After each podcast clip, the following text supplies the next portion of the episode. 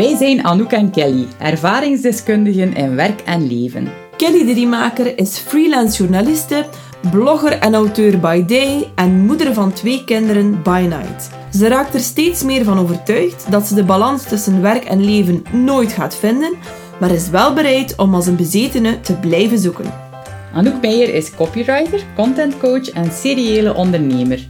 Deze moeder van twee is feminist tot in de kist en reikt de productiviteitshacks en experimenten op dagelijkse basis aan elkaar. Deze podcast is er voor iedereen die net als wij op zoek is naar het mythische evenwicht tussen onze professionele ambities en het rijk gevulde leven dat we daar buiten willen leiden. Welkom in aflevering 18 van Werk en Leven. Een aflevering over knopen in je maag, slapeloze nachten en het gevoel dat je eeuwig tekort schiet. Dat klinkt als dikke fun. en over fun gesproken, we hebben heel leuk nieuws aan het einde van deze aflevering, dus zeker blijven luisteren. Maar eerst de vraag der vragen. Hoe gaat het met jou, Kelly? Met mij gaat alles goed, maar het is wel zo dat we deze aflevering opnieuw opnemen in jouw dressing, Anouk. En die dressing moet, be- moet bereikt worden door middel van een trap. Ja. En ik moet toegeven dat dat vandaag niet meteen van een leien dakje Nee, het was een beetje bomma-style als ik dat ja, ik, ik loop erbij alsof ik een watermeloen tussen mijn benen probeer vast te houden. Dat heeft, alles, nee, dat heeft alles te maken met het feit dat ik ongelooflijk veel last heb van spierpijn. Maar spierpijn dat ik En heb. wat heb je daarvoor gedaan om dat te hebben? Ik heb, eh, gisteren ben ik maar liefst 27 kilometer gaan wandelen. Wuk! Ja, en dat heeft alles te maken met een van mijn 19 doelen voor 2019. Het lijstje dat ik begin dit jaar heb gemaakt. En waar dat dus het, het compleet geschifte doel op staat van deelnemen. Deelnemen, zeg Deelnemen, ik. ja. Aan de dodentocht in Ja, augustus. kwestie van zoiets hebben dat je vrij gemakkelijk van je lijstje kunt Ja, schrappen. voilà, zo. een makkie zo. Een, een, Makkie, eh, ja. ja. En dus het is zo dat ik eh, met tussendoelen en planningen en zo aan het werken ben. Je kent mij. like een echte sporter. Ja, zoals een echte wandelaar. En eh, mijn eerste tussendoel was 25 kilometer. En dat heb ik dus gisteren even vlotjes van mijn lijstje gevinkt. Eh allee, wel, vlotjes is een groot woord, want ik- ik ben daarvoor Zo ziet het er nu niet uit. Ik ben ervoor om 6 uur s ochtends vertrokken in de donkeren. En ik ben maar eh, rond 11 uur 30 terug gearriveerd. En eh, we zijn elkaar Ja. dan trouwens tegengekomen. Dat was eh, een Klopt. heel fijn moment. Was ik toen al aan het waggelen? Eh, een beetje. Een klein beetje, ja, ik, her- ik, herkende jou ook niet op het eerste moment, dus dat zegt ook misschien wel iets over. Maar dat had met mijn haarkleur, mijn nieuwe haarkleur Ja, dat is natuurlijk wel je nieuwe haarkleur Ja, maar Enfin. lang verhaal kort. Morgen openen de inschrijvingen voor de dodentocht. Ik heb daar nu al stress over. Ah ja, want dat is een beetje like Tomorrowland of Ah, wel ja, zeker omdat de 50ste editie is dit jaar. Wow. Ze laten maar 13.000 wandelaars toe en ik wil daar zeker Straks bij zijn. is al die training voor niets geweest, Kelly. Ja, dan ga ik wel iets anders zoeken. Maar ik wil Dan dus, maak je eh, eigen dodentocht. Ja, zo. voilà, dan ga ik het helemaal alleen doen.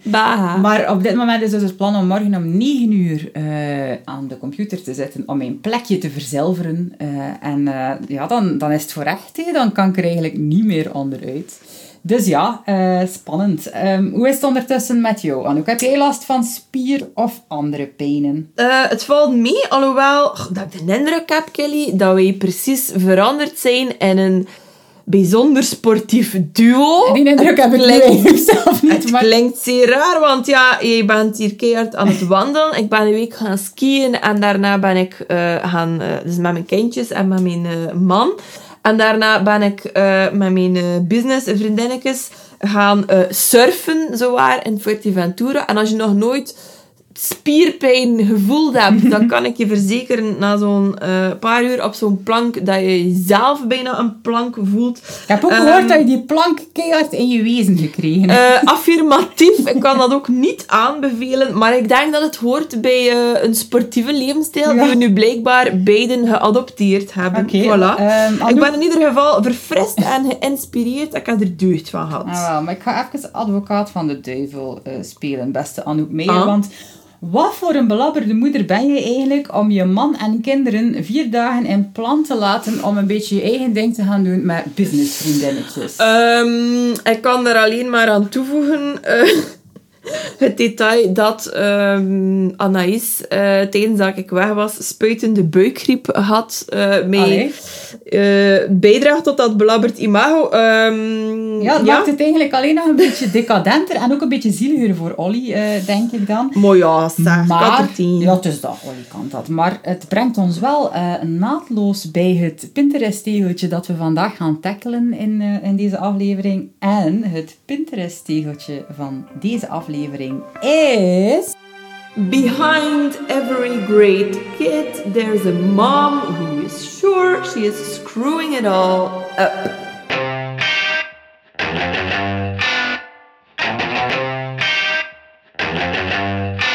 Boeiend onderwerp. Het is dringend tijd geworden voor de staalnamen. Yes. Vraag nummer 1. Noem drie dingen waarover jij je schuldig voelt tegenover je kinderen. Eh, sowieso te weinig eh, geduld hebben eh, met hen, dat is zeker één.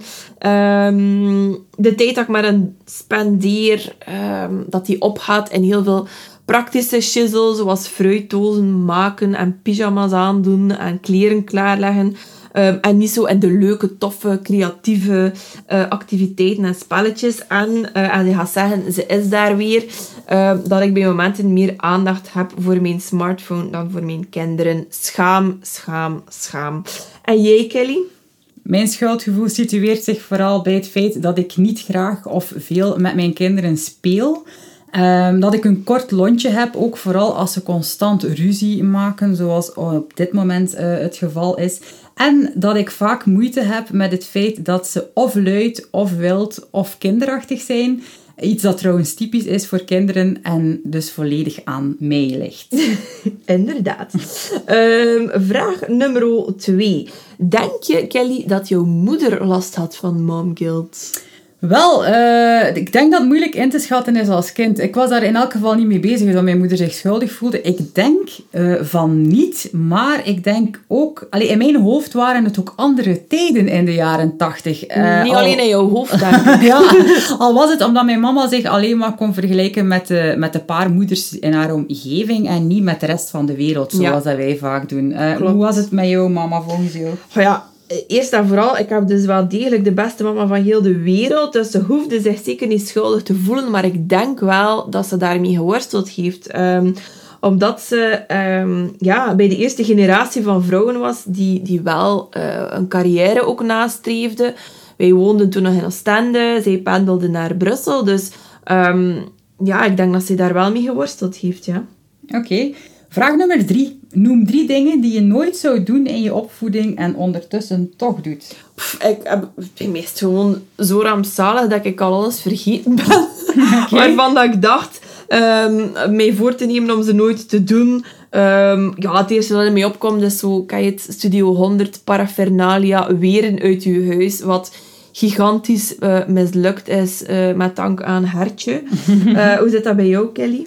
Ehm, ik, er zijn een paar dingen, er zijn een hoop dingen. En De, de tv inschakelen als regelmatige babysit ging ik nooit of te nimmer doen. Eh, mijn kinderen voorschotelen wat ze lusten voor de minste miserie aan tafel ging Check. ik zeker nooit doen. En Plopsaland bezoeken op regelmatige basis ging ik ook zeker niet doen. Maar ik ben ondertussen ook volledig team Gert. Dus eh, ja, mislukt.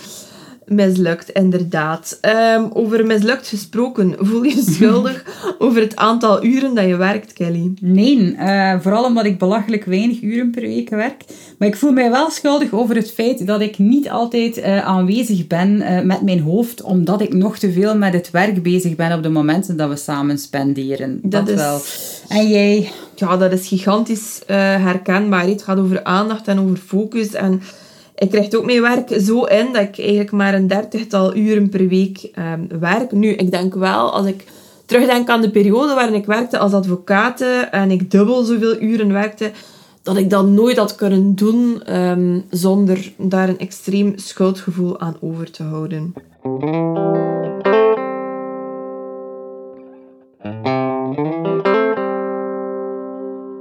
Onderzoek wijst uit dat, en hou je vast aan de takken van de bomen, maar liefst 90% van alle moeders last heeft van zogenaamde mom guilt. Say what? 90%, dat is waanzinnig veel. Eh, zeker als je weet dat dat bij vaders maar 1 op 5 zou zijn. Ehm, en die vaders die Ja. voelen zich vooral schuldig omdat ze door hun werk te weinig bij hun kinderen kunnen zijn. Oké. Eh, wij eh, voelen ons over van alles en nog wat schuldig. En ik ga even de top 7 van belangrijkste zaken delen waar wij ons als mama's vet schuldig over Ik ben benieuwd. Nummer 1 is je kind flesvoeding geven. Met dank aan de borstvoedingsmafia. Ja, inderdaad. Nummer 2, screentime, dus schermtijd gebruiken als babysitter, zoals ik eh, daarnet al vernoemde.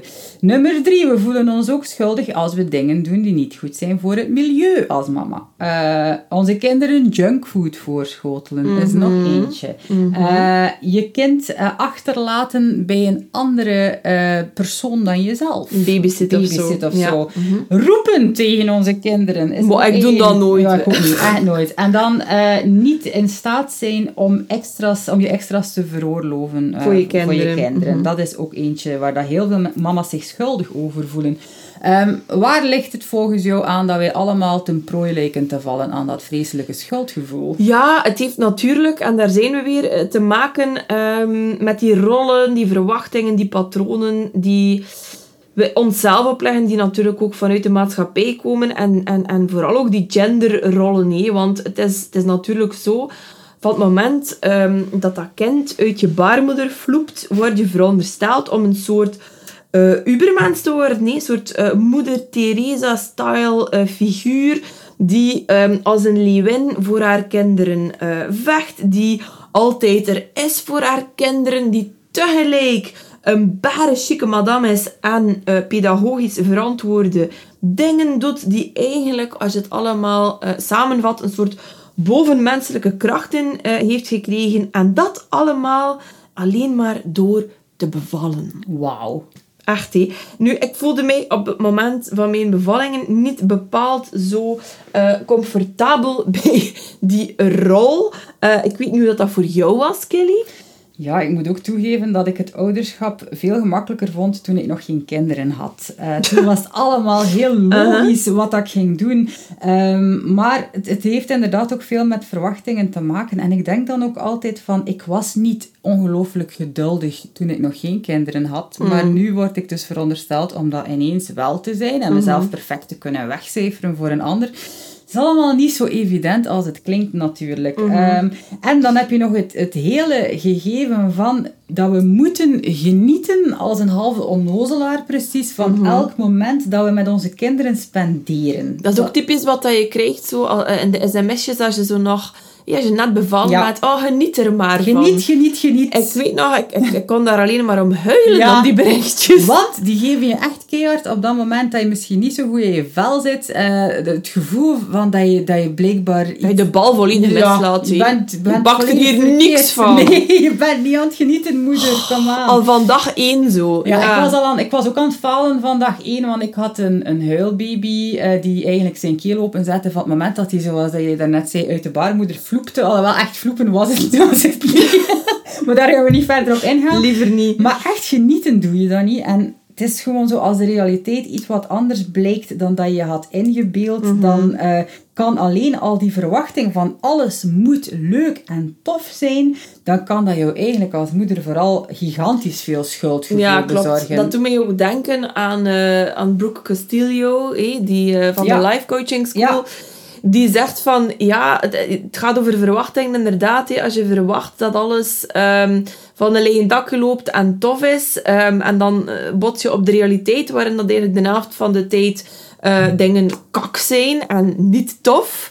Dan ga je natuurlijk ja, met, Ja. met, met een, een, mentaal probleem zitten. Terwijl als je ervan uitgaat van, ja, het is nu eenmaal niet allemaal roze geur en maneschijn, dan kun je daar wel, waarschijnlijk al wat beter mee om. Ja, Brooke zegt dat ook, hè, dat het echt een 50-50 ratio is. Hè. Een helft Mhm. van de tijd is het leuk en de andere helft is het kak. En als je dat verwacht, dan kan het alleen maar meevallen. Maar het lijkt bij het ouderschap en bij de geboorte en bij mama worden, dat het eigenlijk alleen maar tof hoort te zijn. Eh, meteen ook eh, de, de reden dat als, als vrouwen dan bijvoorbeeld een prooi vallen aan een postnatale depressie, dat allee, los van het gegeven dat dat op zich al erg genoeg is, dat ze zich dan ook nog een keer schuldig eh, beginnen te voelen omdat die roze wolk er niet is. En eigenlijk is dat toch echt wel eh, triestig. En vermoeiend. Ja, Ehm, vermoeiend. en dan, dan komt er dus een moment waarop dat je opnieuw moet beginnen werken. Ehm, en hoe ga je dan op dat moment om met dat schuldgevoel dat we collectief verondersteld zijn om te hebben? Ik herinner me heel hard ehm, dat moment, en ik heb het gevoel dat dat bij iedereen een beetje... ehm allee, niet noodzakelijk dat iedereen daar dezelfde gevoelens bij heeft, maar dat dezelfde vragen uit de omgeving komen. Die zo van... Oh, en zie het zitten. En eh, het gaat wel meevallen. En de, de, de, de, En, En je ehm, gaat zeker meer wenen dan de baby. ja, oh my god. Als je in de crash Ja, al de dooddoeners. Terwijl dat je misschien net blij bent dat je opnieuw kunt gaan werken. Mhm. Omdat je ook wel een vorm van eh, zingeving eh, uit je werk Ja, haalt. ja, ja. Of, of wat dan ook. Eh, maar, maar dan eh, ook in die fase komt, komt dat schuldgevoel er weer eh, bij kijken. Ja, klopt. En er zijn mensen die zes maanden met hun baby thuis blijven. Ik was zelfstandig. Ik, ik ben 15 weken thuis geweest. En van mij was het heel dubbel. Want één, ik voelde mij schuldig eh, om, omdat ik weer wilde gaan werken. Omdat ik het gevoel had dat ik weg moest. Maar tegelijkertijd, als ik ging gaan werken, voelde ik mij ook schuldig omdat ik niet bij mijn baby was. En ik had het gevoel dat ik eigenlijk constant verscheurd werd tussen alle dingen die ik niet deed, die ik had moeten doen in mijn hoofd. En dat was inderdaad, los van al de rest, verschrikkelijk vermoeiend. Ja, je zet jezelf vast, want je kunt eigenlijk, je kunt eigenlijk niet goed doen. Nee. En dat is misschien wel het fundamentele probleem met schuldgevoel. Ehm, als je gelooft dat je je schuldig moet voelen, ja, dan ga je altijd schuldig voelen. En ehm, dan, dan verleg je altijd die lat en het zal nooit goed genoeg zijn, denk ik dan. Nee, en, en de vraag is dan ook ehm, of dat, dat schuldgevoel eigenlijk enig nut heeft. Goh, ik denk dat het ehm, niet zo verhelderende antwoord daarop is. Het hangt ervan af. Ehm Bernie Brown, waar dat we toch wel eh, behoorlijk interessante dingen eh, van horen eh, bij momenten, die zegt, ja, eigenlijk kan schuldgevoel best nuttig zijn, omdat het een graadmeter kan zijn van ehm, ja, hoe dat jouw gedrag overeenstemt met jouw waarden. Ehm, en, en ik denk dat er daar zeker een grond van waarheid in zit. Ehm, maar dan is het wel de bedoeling dat je daar effectief iets mee wil of kan doen. Want Ja. als je blijft wentelen in het schuldgevoel, Dan, brengt dat niet veel eh, op. slechter voelen. Ja, dan denk ik voilà. dat, je, dat je vanuit die ellende, dat je daar ook niet echt een, een betere moeder van gaat worden. Nee. Ehm, ik denk dat het inderdaad ook zoiets is, hoor. Dat je moet nadenken wat dat, dat schuldgevoel jou eigenlijk probeert te vertellen. Mhm. En dat je van daaruit eigenlijk een actie eh, moet proberen te schieten. Ehm, wat dat mij ook helpt, is om het eh, ideaalbeeld van de perfecte mama wat gekaderd te zien door bijvoorbeeld te lezen dat zelfs ouderschapsexperts of Mhm. psychologen last hebben van het gevoel het niet altijd perfect of, of goed te doen. Ehm, ik, ik heb bijvoorbeeld zelf eh, kindjes die behoorlijk angstig aangelegd zijn, waardoor Mhm. dat ik heel erg fan ben van een eh, podcast die heet Anxious Toddlers. Mhm. Ik ga die ook nog eens in de, de link in de show notes stoppen, omdat ik daar nu niet veel tijd voor heb, maar dat wel een... een heel boeiend onderwerp is, eh, zeker als die kindjes daar, daar last van hebben. En Mhm. dat- die therapeute heeft het ook regelmatig over haar schuldgevoel, haar mama-blunders. En echt waar, dat doet zeker voor mij, eh, als ik aan het twijfelen ben aan mezelf, heel veel deugd om te, om te horen. Yes, en over expertes en ehm, mensen gesproken die ons aansporen om vooral mild te zijn voor onszelf te spreken. Je hebt Nina Mouton geïnterviewd Ja. toen ik op vakantie was. Vertel een keer, hoe was dat, Kelly? Ik vond dat eh, heel, heel tof. Eh, voor mensen die Nina niet zouden kennen, eh, Nina is een psychologe en psychotherapeute voor gezinnen, relaties en ouderschap. Nina is trouwens ook de zus van illustratrice Eva Mouton. Eh, zij is ook mama van twee jonge kindjes en ze runt de Facebookgroep Mona's Babbelgroep. Die is misschien wel bij heel wat mensen bekend, Ja. want daar zitten ongelooflijk veel ouders in. En het is voor ouders die hun gevoel volgen. Ehm, ik stel voor dat we een keer gaan luisteren naar het gesprek dat ik met die fantastische Nina Mouton had. Check. Goedemorgen, Nina Mouton. Ehm, super content dat ik jou even mocht opbellen voor deze aflevering rond schuldgevoel bij ouders. Want jij bent naast gezinspsychologe ook zelf mama van twee jonge kindjes. Kun jij hen een keer voorstellen? Ja, Miro is acht jaar en Loa is vijf jaar. Oké, en heb jij ook soms last van dat uh, zogenaamde moederschuldgevoel of ouderschuldgevoel waarover we het in deze aflevering hebben? Ja, natuurlijk wel. Uh, ik denk dat dat uh, het allereerste kraamcadeau is dat je meekrijgt. Samen ja? met je baby. Samen, ja, samen met de geboorte van je baby wordt ook dat schuldgevoel geboren. Ja. Um, ja, ik denk dat dat op sommige momenten heel hoog kan opflakkeren en op sommige momenten weer wat gaat liggen. Maar dat dat er altijd wel een beetje is. Ja, en, en hoe komt dat volgens jou dat wij daar allemaal zo hard mee af te rekenen krijgen op een bepaald punt in ons leven? Ja, ik denk dat we, dat we meer dan ooit geïnformeerd moeten zijn of um, ons zodanig voelen dat we geïnformeerd zouden moeten zijn. En uh -huh. we, we kunnen ook overal informatie vinden. Um, op Google, in, in, in Facebookgroepen, um, ja, op het internet, op fora was dat in mijn tijd, hè, acht jaar geleden. Ja. Uh, ja. dan waren er nog niet echt Facebookgroepen. Um, ja, overal in boeken, overal kunt je informeren. Je kunt naar lezingen gaan over ouderschap, over, over moederschap, over opvoeding. Dus er wordt bijna verwacht dat je het allemaal weet en dat je het dan ook allemaal kunt toepassen. Ja. Um, er waait ook een hele nieuwe wind in, in opvoedingsland, voel ik. En um, we zijn heel vaak um, anders opgevoed dan dat wij willen opvoeden. Dus ook dat brengt dan weer wat, wat, twijfels met ja, zich ja. Um, de goede raad die dat we krijgen, maar ook de invloed van social media, denk ik dat dat enorm is. Um, ja, die invloed van social media, daarmee Ja. bedoel je waarschijnlijk dat we heel vaak gaan vergelijken met andere mensen dan Ja. ook nog eens, die dan nog hun, hun beste kant eh, Ja. eh, daarvoor schuiven, denk ik. Eh, is, is dat ook een nadeel volgens jou? Ja, ik denk dat wel. En ik denk dat dat heel vaak heel onbewust speelt. Omdat...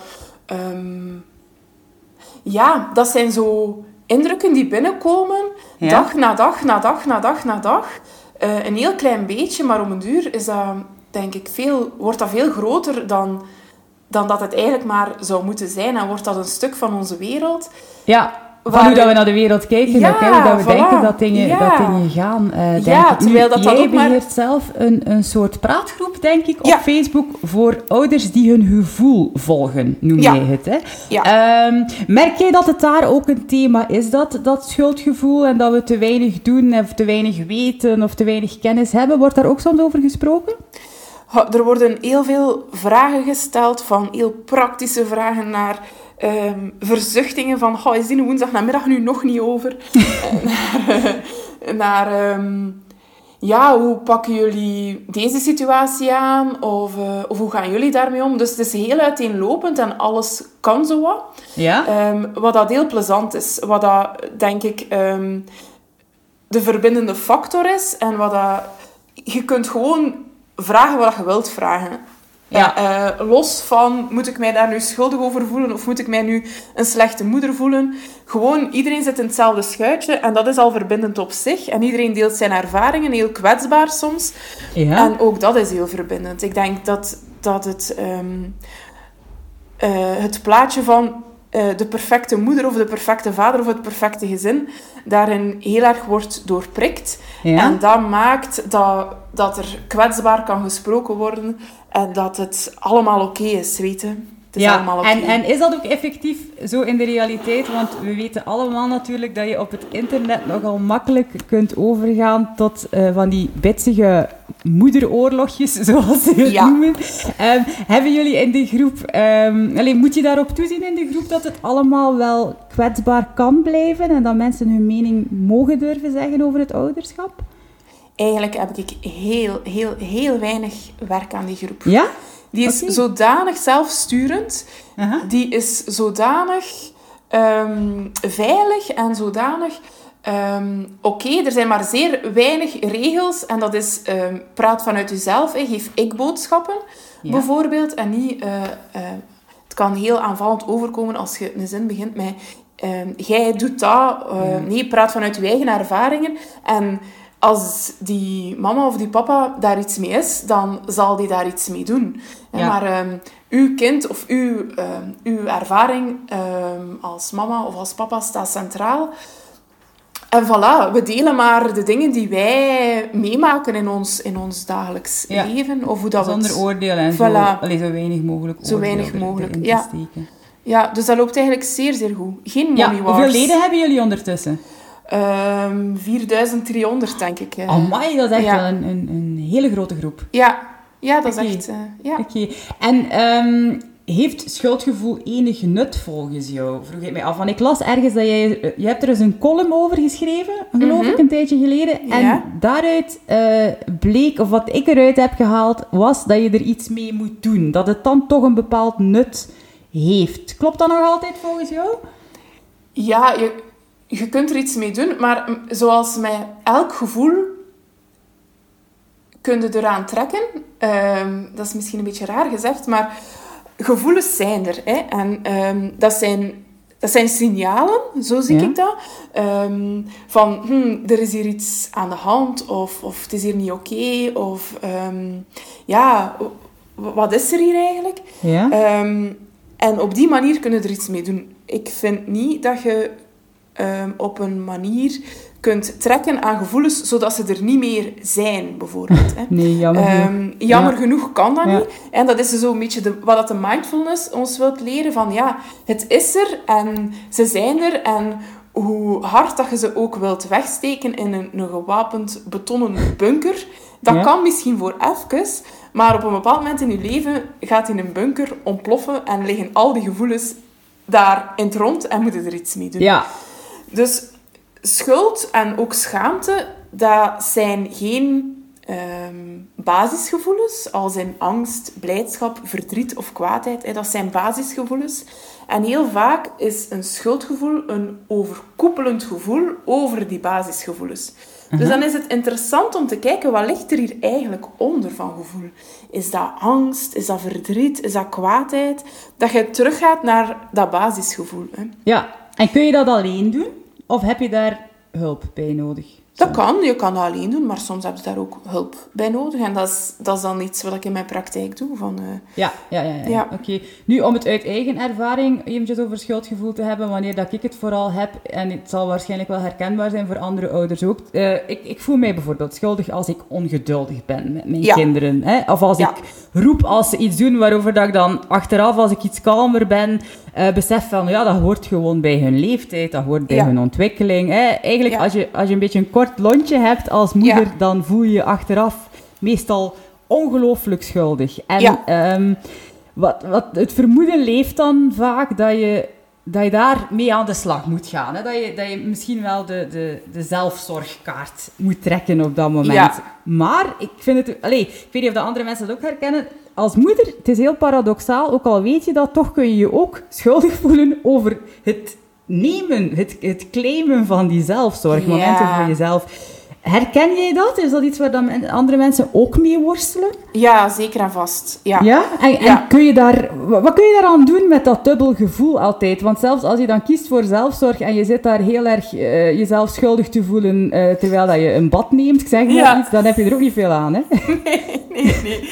Nee, dat is, dat is zo waar. Of eh, ja, zo'n een dagje weg met je partner en je zit toch de hele tijd over de kinderen te praten. Ja, Ja. dat is toch zo. Ja, Eh, dus zo Kunnen we wat daar dat- iets aan doen? Moeten we, moeten we daar bewuster mee omspringen dan op de een of andere manier? Of wat, wat denk je daar dan over? Ja, eigenlijk gaat dat over geven en nemen. In mijn ehm, psychotherapeutisch kader hè, ehm, gaat dat over... Wij zijn zo hard ehm, gewend om te geven, geven, geven, geven, geven. En zeker aan die kleine hulpeloze wezentjes Ja. die wij op de wereld hebben gezet. En je mocht die dan vanuit de kraamkliniek meepakken in die maxicosi. En iedereen denkt dat jij dat gaat kunnen, maar eigenlijk denkt hij van, wat? Ik heb hier nu geen belletje meer om, om op te klikken. En, en ik moet het hier nu maar, maar alleen zien te rooien. En iedereen heeft daar zo vertrouwen in, of wat? Ja, dat is toch zo. Ja, zo zot. Ja. Van, allee, die laten mij hier nu gaan met die maxicosi en die klein... Zo'n beetje En- het imposter-syndroom voor, voor nieuwe ouders, zo. Ja, zo Ik ga van... hier keihard door de mand vallen. Ja, wat, wat, wat is dat hier? Oké. En, en uiteindelijk doet het dat wel, hè, met veel twijfels en met veel, Ja. ja, eh, met veel bezorgdheden. Ehm, maar dus dat geven, hè, je zei uiteraard verantwoordelijk voor dat kind en ehm, voor, om die groot te brengen op een goede, liefdevolle, warme manier. Maar dat kun je alleen door ook aan jezelf te geven en door, door ook ehm, af en toe iets te nemen voor jezelf. Hè. Als jij uh, opkikkert van een bad te pakken, dan is dat keigoed dat je dat doet. Ik haat een bad pakken, dus ik zou dat verschrikkelijk vinden. Ofwel hebben mijn knieën kou, ofwel hebben mijn schouders kou. Ik vind dat verschrikkelijk een bad nemen. Maar um, ja, zoek iets waar je echt iets uit kunt halen en waar dat je... Um, dat, moet, dat moet heel vaak niet veel zijn, hè. Um, dat kunnen ook mini-momenten zijn. Hè, van, uh, ik heb een chocolatje gekocht in mijn... Uh, uh, daar juist in de supermarkt speciaal alleen voor mezelf. En ik ga dan nu een keer met mijn tasje thee um, daarvan genieten. Ja. Heel vaak denken we van, ja, we moeten dagen uittrekken of we moeten een weekend weg. Of we, we moeten naar de wellness en we moeten naar de sauna. We moeten, nee, dat soort ja. dingen. Maar ja, maar hoort, we moeten. Hè, we moeten dat doen. Ja, Ja. Daar, begint het al. Hè. Ja. De, de overheid. eh, nu, jij had het ook over mildheid in, in de column die ik heb gelezen. Hè? Dat lijkt een soort codewoord te zijn. Maar hoe doe je dat dan, mild zijn voor jezelf in deze context? Is dat dan, als je een fout maakt, jezelf daarna ook de kop er niet meer voor inslaan? Of is dat op een andere manier dat je dan mild probeert te zijn? Ja, wat ik vaak merk, hè, vooral bij, bij ehm, ouders die wel eh een keer roepen op hun kinderen, Ja. wat dat 90% van de ouders is. Ik heb, ik heb een, ehm, een webinar gegeven en daarin vroeg, roep je wel eens eh, tegen je kinderen. En 90%, meer dan 90% van de mensen antwoorden ja. Hè. Dus wij denken ook daarin dat wij alleen zijn, dat wij de enige roepende moeder of vader dat is zijn ook zo. op dat aarde. ik ook soms van, man, Ja. ik ben de slechtste moeder op aarde. Want ik heb net tegen mijn dochter van drie staan roepen. Ja, En, en allee, soms denk ik, het is topen dat, dat er hier geen verborgen camera hangt. Want ik zou mij doodschamen als Ja. iemand zou zien hoe dat ik net tegen mijn dochter van drie heb gedaan. Maar Ja. dat is dus algemeen. Ja, ja, ja, ja zeker en vast. Ehm, ehm, maar ik ben even mijn punt kwijt. Ja, dus jij had een webinar gedaan waar Ja. je de vraag had gesteld. Ja, ja, Ja. ja. En ehm, wat ik dan vaak merk bij, bij cliënten is dat ze zich ehm, gaan inperken. Hè. Ik mag nu nooit niet meer roepen op mijn kinderen. Ja, ja. Hè, en je gaat eigenlijk bijna je eigen straffen om je slecht gedrag. Terwijl dan zit je in zodanig ehm, harnas dat je bijna niet meer kunt bewegen, dat je bijna niet meer anders kunt dan roepen op je kind. Want dat is zo onnatuurlijk. Ja. Dat harnas, ehm, je, kunt, je, kunt, ja, je kunt niet meer weg. Ehm, je bent zo wat, streng welke voor jezelf. geef je dan aan mensen die daarmee worstelen? Want het is, het, het is een soort gevoel van controleverlies hè, op dat moment. Ja, ja, ja. En je kunt controleverlies niet controleren. Hè? Nee. Dat is een beetje contradictorisch, maar hoe harder dat je dat probeert te controleren, hoe, hoe slechter dat dat gaat. Uh-huh. Ehm, dus ehm, ik ga dan heel vaak op zoek naar, en dat is voor iedereen anders, naar van waar komt dat? Hè? Die, Ja. Dat controleverlies, dat, die nood aan controle. Of, ehm, of ja, bijvoorbeeld, als je het gevoel hebt dat, dat je aan het roepen bent tegen je kind alsof dat je zelf een kleuter bent. Hè? Dat je van kleuter tot kleuter aan het roepen bent, dat je helemaal niet meer in je volwassenheid staat Ja, ja. dan ehm, heeft uw, uw echte kleuter heel vaak ehm, iets geraakt, iets getriggerd waarin dat je kwetsbaar bent. Ehm, Ja. hè, bijvoorbeeld, ze luistert niet naar mij. Of, eh, hè, en dan, dan is uw kwetsbaar kind daar, uw gekwetst kind daar. We hebben allemaal een gekwetst en een kwaad en een blij kind in ons. Ja. En dat komt daar dan, dat kwaad kind komt daar dan eh, roepen voor uw gekwetst kind van hey, zeg, dat kan hier niet, dat jij niet naar mij luistert. Ehm, maar die kwaadheid is veel groter dan wat er eigenlijk in de feiten maar is gebeurd. Dus Mhm. eigenlijk is die kwaadheid helemaal niet voor uw kind bedoeld, want dat kind weet niet van waar dat, komt, jij weet niet van waar dat, dat komt, Nee. dat is helemaal niet een verhouding. Dus dan is het wel ehm, interessant om te kijken van, wat is die een trigger juist? Wat is die een trigger dat mij zo kwaad maakt. Ja, en daar ook misschien patronen in gaan zien. Hè? Want ik denk dat het heel vaak hetzelfde is. Ze Voilà. luisteren niet, of ze zijn mij aan het uitdagen. Ja. Of het, er zijn niet zo heel veel dingen, denk ik, die het uitlokken. meestal. Nee, nee, nee. En dan, dan, ehm, ja, dan, zitten daar op een, dan zitten zij juist op dat moment op een rood knopje te duwen. Ja. Hè. Ja, dat gevoel ja, dat heeft niet veel. ook soms. Hè, denk ik, dat, dat, dat ze heel goed weten. Dat zeg ik ook soms tegen mijn man. Van, oh, ze weten zo goed op welk knopje dat ze bij mij moeten drukken om mij door het dak te zien gaan. Ja. Zo dat gevoel eh, heerst dan ook wel een beetje, denk ik. Ja, ja, ja.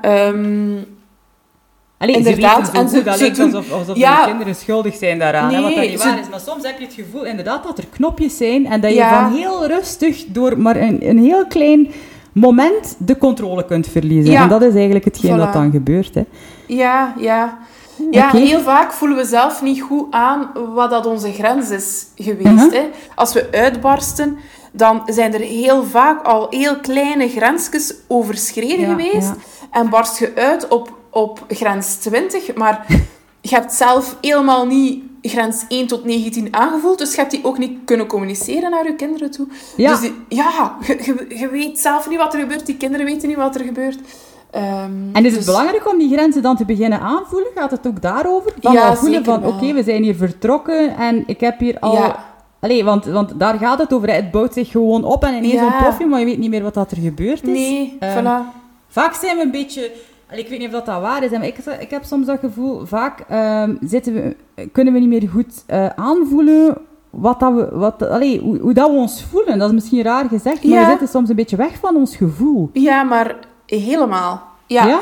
ja, ja. ja. En ehm, daarom, dat is ook mijn slagzin van, van mijn blog Ja? en van mijn babbelgroep, van ja, volg, volg je gevoel. En dat is soms zo ondergesneeuwd, Ja. ehm, dat moeder- en dat vadergevoel, maar ook ons, onze gevoelens. En, en ik merk dat deze generatie ouders dat niet wilt voor, voor hun kinderen. Hè? Dus we willen hun, onze kinderen ondersteunen in hun, in hun gevoel. En dat zij mogen kwaad zijn en mogen verdrietig zijn en mogen blij zijn en mogen angstig zijn. Eh, maar we hebben dat heel vaak zelf niet geleerd. Mhm. Dus moeten we dat voor onszelf kunnen. Hè? Zodat ook die kinderen... Zodat we dat ook kunnen doorgeven aan onze kinderen. En zodat we onze kinderen daarin kunnen begeleiden. ja, En ja, dat is een heel... Ja, ik snap het, want ik hoor mezelf soms tegen mijn kinderen zeggen van verdrietig zijn mag en het is niet erg als Ja. dit of dat. Maar inderdaad, ik heb zelf wel altijd geleerd dat je niet moet wenen Ja. en dat je niet moet zagen over dingen. En dan Ja, is inderdaad heel dubbel, hè, dat je probeert iets door te geven dat niet echt natuurlijk bij jezelf komt. Hè? Ja. Ja. Oké. Nu, ik, ik heb nog een vraag. Jij hebt dus die Facebookgroep, hè? En, Ja. en eh, zoals je al zei, eh, het is voor ouders die hun gevoel volgen. Ja. Ehm, is het niet een beetje contradictorisch dat we, om ons gevoel te kunnen volgen, toch de raad van anderen nodig hebben online? Ja. Ja, ja nee, denk ik. Ik denk dat we ehm, heel erg verwijderd zijn van ehm, de village. Hè, van, Ja. ehm, van een echte clan rondom ons. Vroeger woonden we allemaal in hetzelfde dorp. In dezelfde straat. ehm, met, eh, met onze familie was er veel meer echt contact. Ehm, met, met andere ouders, eh, tantes en onkels die, die, die kinderen opvingen. Dat was allemaal veel meer de zoete inval en, en eh, de deur plat lopen. En, en iedereen was er voor iedereen. Ehm, allee, ik stel het nu een beetje romantisch voor, hè. maar het was toch meer dat. En nu moeten we die village ergens anders eh, vinden. En Ja. ik denk dat online, dat dat enerzijds een valkuil kan zijn, hè, omdat het te veel goede raad is. eh, maar anderzijds ook empowerend kan zijn. Omdat als mensen spreken vanuit hun eigen ehm, ervaring, eh, kan het empowerend zijn voor andere ouders zonder dat het goede raad is of zonder dat het eh, ehm, in je strot geduwd wordt van je moet het zo of zo of zo doen. Nee, Ja. dit is ook een mogelijkheid. En Ja. voor ons werkt dit eh, in die situatie, maar je doet ermee wat je wilt. Ja. Nu, Ja. ehm, als het gaat over dat moedergevoel, hè, ik, ik dacht altijd, je zei daarnet al, er wordt een pakketje schuldgevoel afgeleverd in de kraamkliniek. Maar Mhm. ik dacht ook altijd dat er een pakketje moedergevoel zou afgeleverd worden in de kraamkliniek. En Ja. ik had soms het gevoel dat dat wat tegenviel. Ik dacht dat alles gewoon heel duidelijk en logisch zou zijn op dat vlak. Maar Ja. Ehm, dat bleek bij mij niet zo heel erg het geval, waardoor dat ik ook zo nogal aan het twijfelen sloeg van oké, moet ik nu niet na- op een natuurlijke wijze weten hoe ik dit moet oplossen? Ehm, heb jij veel mensen die, die eh, het gevoel hebben verwijderd te zijn van te weten wat dat ze moeten doen en daarom inderdaad, we, googelen ons te pletter, hè? Allee, ja. we weten het gewoon soms ook echt niet. Of we weten te veel. Of we weten te veel, ja. Ja, Ja. dat gevoel heb ik wel. Dat we, dat we te veel weten en daarom ons gevoel ondergesneeuwd is. Ja, ja oké. Ja. En welke raad geef jij aan mensen die constant voortgaan op eh, goede raad en Google en alle soorten inputs en dan niet, niet meer terecht kunnen bij zichzelf? Hoe, hoe los je dat dan op? Of is dat een heel moeilijke vraag? Ja, psychologen die iets oplossen, dat is al een Ja, is al een- contradictorische eh, vraag. Plus, eh, ja, wij, wij onthouden ons ook heel erg van de goede raad. Mhm. Ehm, ik probeer dan mensen te empoweren om ehm, naar zichzelf te gaan. Hè, en, en, en in zichzelf te keren en te voelen...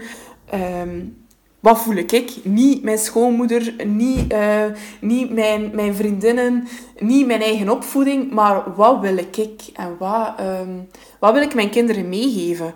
Ehm, en de weg daar naartoe stippelt zichzelf ook wel wat uit. Ehm, als je kijkt naar je, naar uw hogere doelen. Uw maar dan moet je wel durven om bepaalde dingen die erin gestampt zijn in je eigen opvoeding of hè, wat dat je hoort en leest en ziet, om dat los te laten. De, slaaptraining bijvoorbeeld, borstvoeding, al die verschillende Ja. nogal beladen thema's. Om daar je eigen weg in te voelen, moet je wel redelijk sterk staan, denk ik. Hè? Ja, Ehm, sterk staan langs de ene kant, ehm, maar ik denk dat je sterker kunt staan door je goed te laten omringen. En daarin is die eh, Facebookgroep wel heel sterk. Oké. Om, ehm, Nina, mag iedereen die zin heeft zich aanmelden in die groep? Ja, zijn, er, zijn er op dat vlak regels? Nee. Er zijn een paar vraagjes ehm, die je moet beantwoorden en dan mocht je pinnen. Eh, zoals het Mama-pact lezen. Ehm, er zijn zo tien regeltjes van Ja? het Mama-pact. Eh, laat u niet afschrikken door de eerste tien regels en lees vooral door.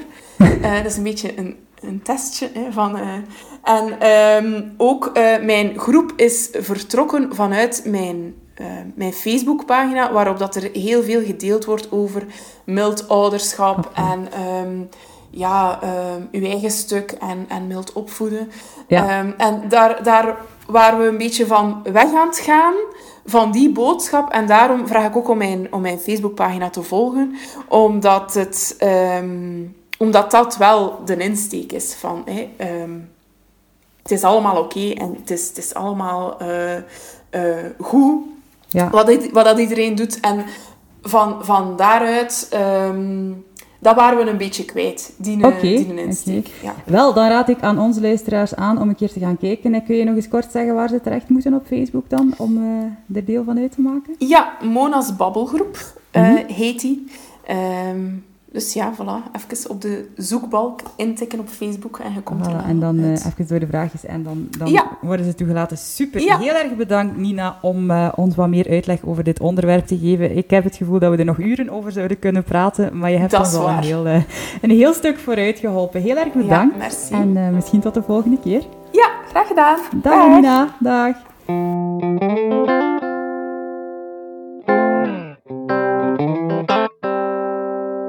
Boeiend en herkenbaar. En ik ben blij ehm, dat iemand als Nina Mouton, die eh, effectief iets van dit onderwerp af weet, In er zo... tegenstelling tot ons. Ja, ja, echt. Ehm, allee, die invalshoek eh, neemt. Dus ik hoop dat jullie er ook iets aan hebben. Ja, Nu, volgens mij ligt het probleem bij ons, Anouk, niet zozeer bij het aantal uren waarop wij werken, want dat valt al, bij, al behoorlijk Ja, mee. klopt. Maar wel eh, bij hoe dat werk doorcijpelt eh, naar de momenten waarop dat we eigenlijk met onze kinderen zouden moeten bezig zijn, omdat we ja, nog met van alles bezig zijn in ons hoofd. Ja, we zijn daar weer met dat concept van die eh, aandachtsversnippering en ook wel die time confetti. Eh, we hebben zoveel verschillende eh, prikkels en dingen die aan ons trekken aan alle kanten, ehm, dat het heel moeilijk is om onze aandacht te houden bij waar dat we op dat moment verondersteld zijn van mee bezig eh, te zijn.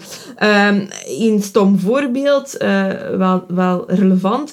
Ik voel mij dus ook schuldig over het gebruik van mijn smartphone in de buurt van de kinderen. Het gebeurt meer dan eens dat mijn kinderen drie keer dezelfde vraag moeten stellen. Eh, dat ik zodanig bezig ben op mijn smartphone dat ik het dus gewoon niet door heb. En, en ja, daar kan ik me wel behoorlijk schuldig over voelen. En dat is symptomatisch voor het feit dat je, je aandacht er niet bij is gewoon. Hè. Ja, voilà. Ik herken het. Ik stel soms drie keer een vraag waarop dat ik mezelf nee hoor antwoorden. En dat ik hem dan hoor zeggen van... Maar mama, waarom zeg je nee? Het antwoord moet toch ja zijn? En dat je dan beseft van... Oké, ik heb de vraag niet gehoord. En ik wilde er gewoon even vanaf zijn. En dat is eigenlijk helemaal niet oké. Ehm, ik heb ook soms schuldgevoel over het feit dat ik soms zo moe ben van alle dagelijkse regeldingen en gedoe, dat ik, dat ik liefst alleen zou willen zijn op de momenten dat ik met hen bezig ben. Dat is ook iets waar dat ik mij heel lastig over kan voelen. En ik voel mij ook lastig over het feit dat ik daardoor niet altijd de leuke, creatieve, inspirerende, grappige moeder ben die ik eigenlijk voor ogen had. Ehm, maar ik kan wel zeggen dat ik er iets op heb gevonden.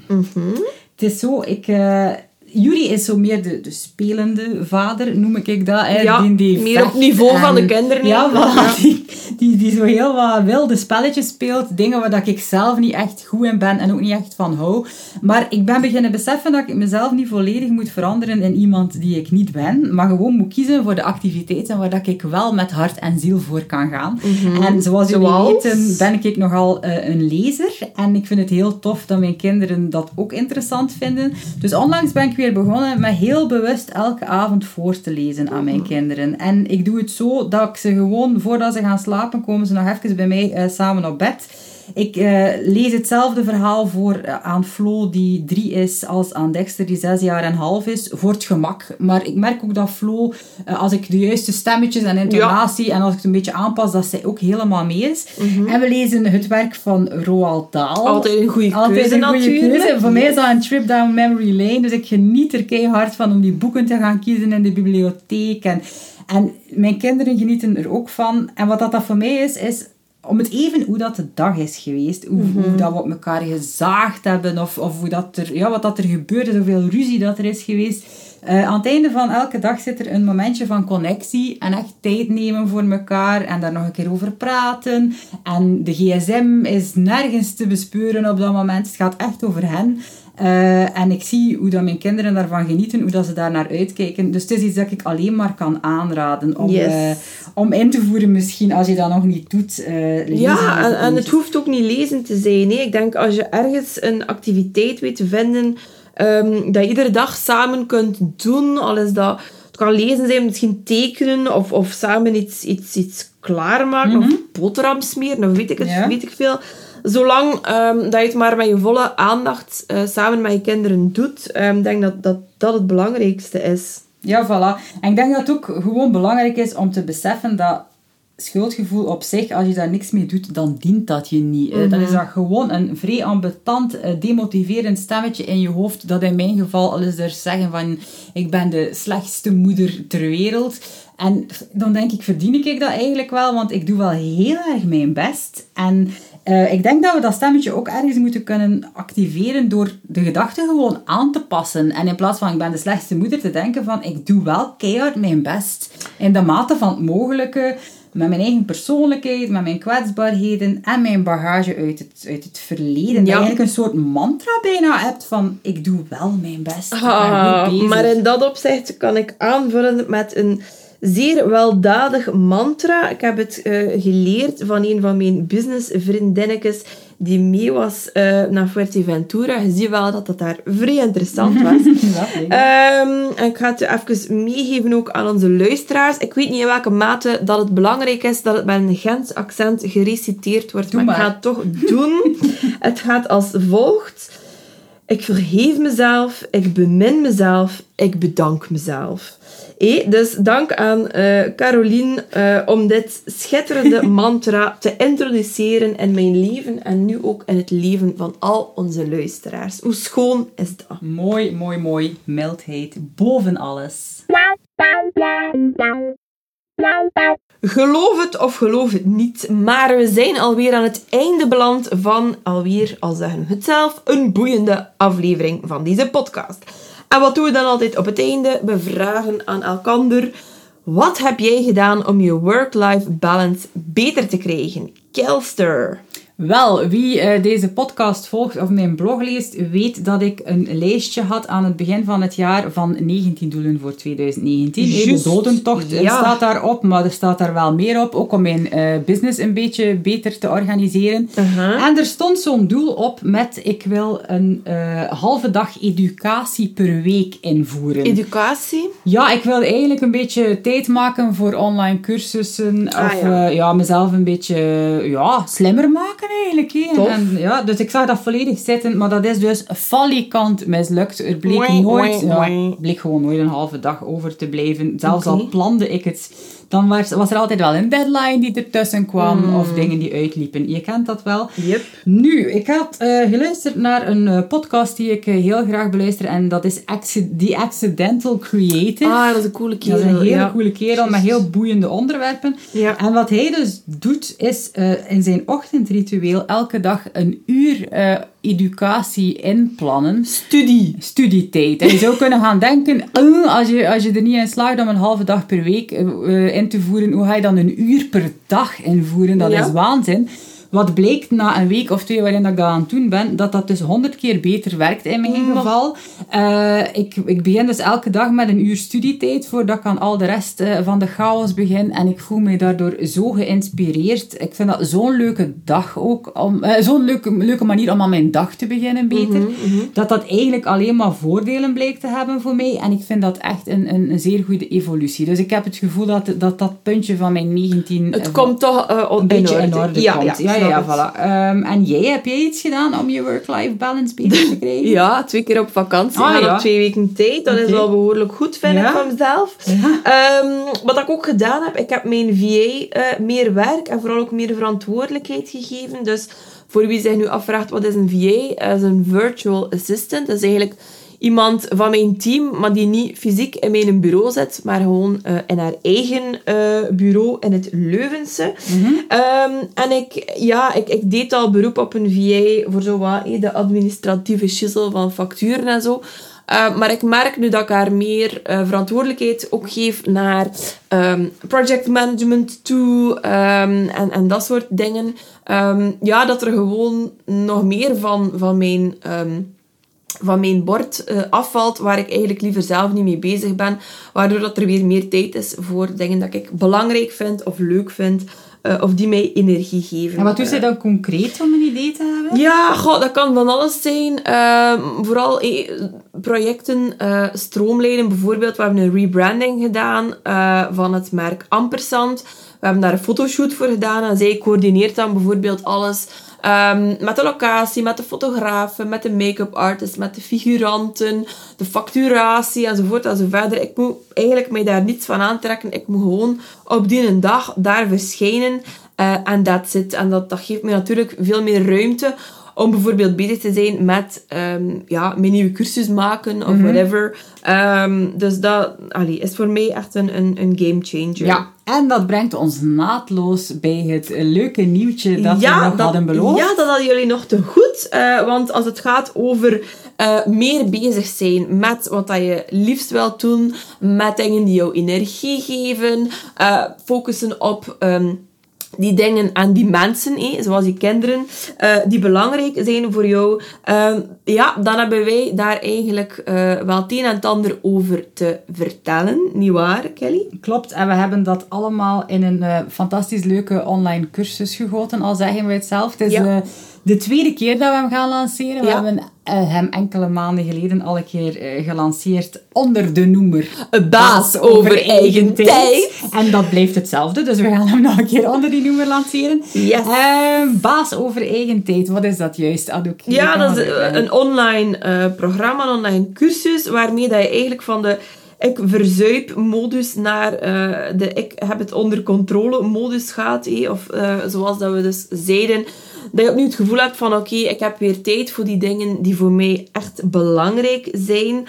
Ehm, wat moet je doen als je nu al zoiets hebt van ah ja, ik ben een van die mensen die al een paar maanden aan het mailen is van wanneer kunnen we ons nog eens inschrijven?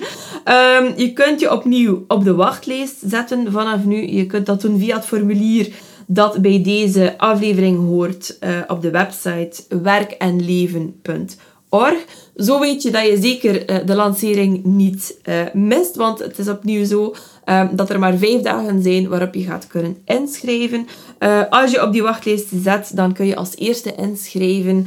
Ehm, dus doe dat zeker en dan ben je zeker dat je niks mist. Ja, want we krijgen altijd nog mailtjes achteraf, smekende mailtjes om te vragen of dat ze er nog bij kunnen. En we zijn nogal redelijk eh streng. Onverbiddelijk. Ja, we zijn Oh ja. Ja, onvermurwbaar zou ik zelfs het Ja. is niet onbelangrijk. Nu, eh, surf ook zeker naar werkenleven.org als je de show notes van deze aflevering eh, wilt lezen. Daarin worden alle eh, links gepost van, over zaken die we vermeld hebben. De podcasts, eh, de onderzoeken, dat soort zaken kun, je, daar, kun je daarin terugvinden. Extra stoffage. Extra stoffage om verder te lezen en nog slimmer te worden. Misschien om in te voeren op het eh, uurtje educatie Ja. dat je gaat ja, invoeren. het is maar een gedacht. Voilà.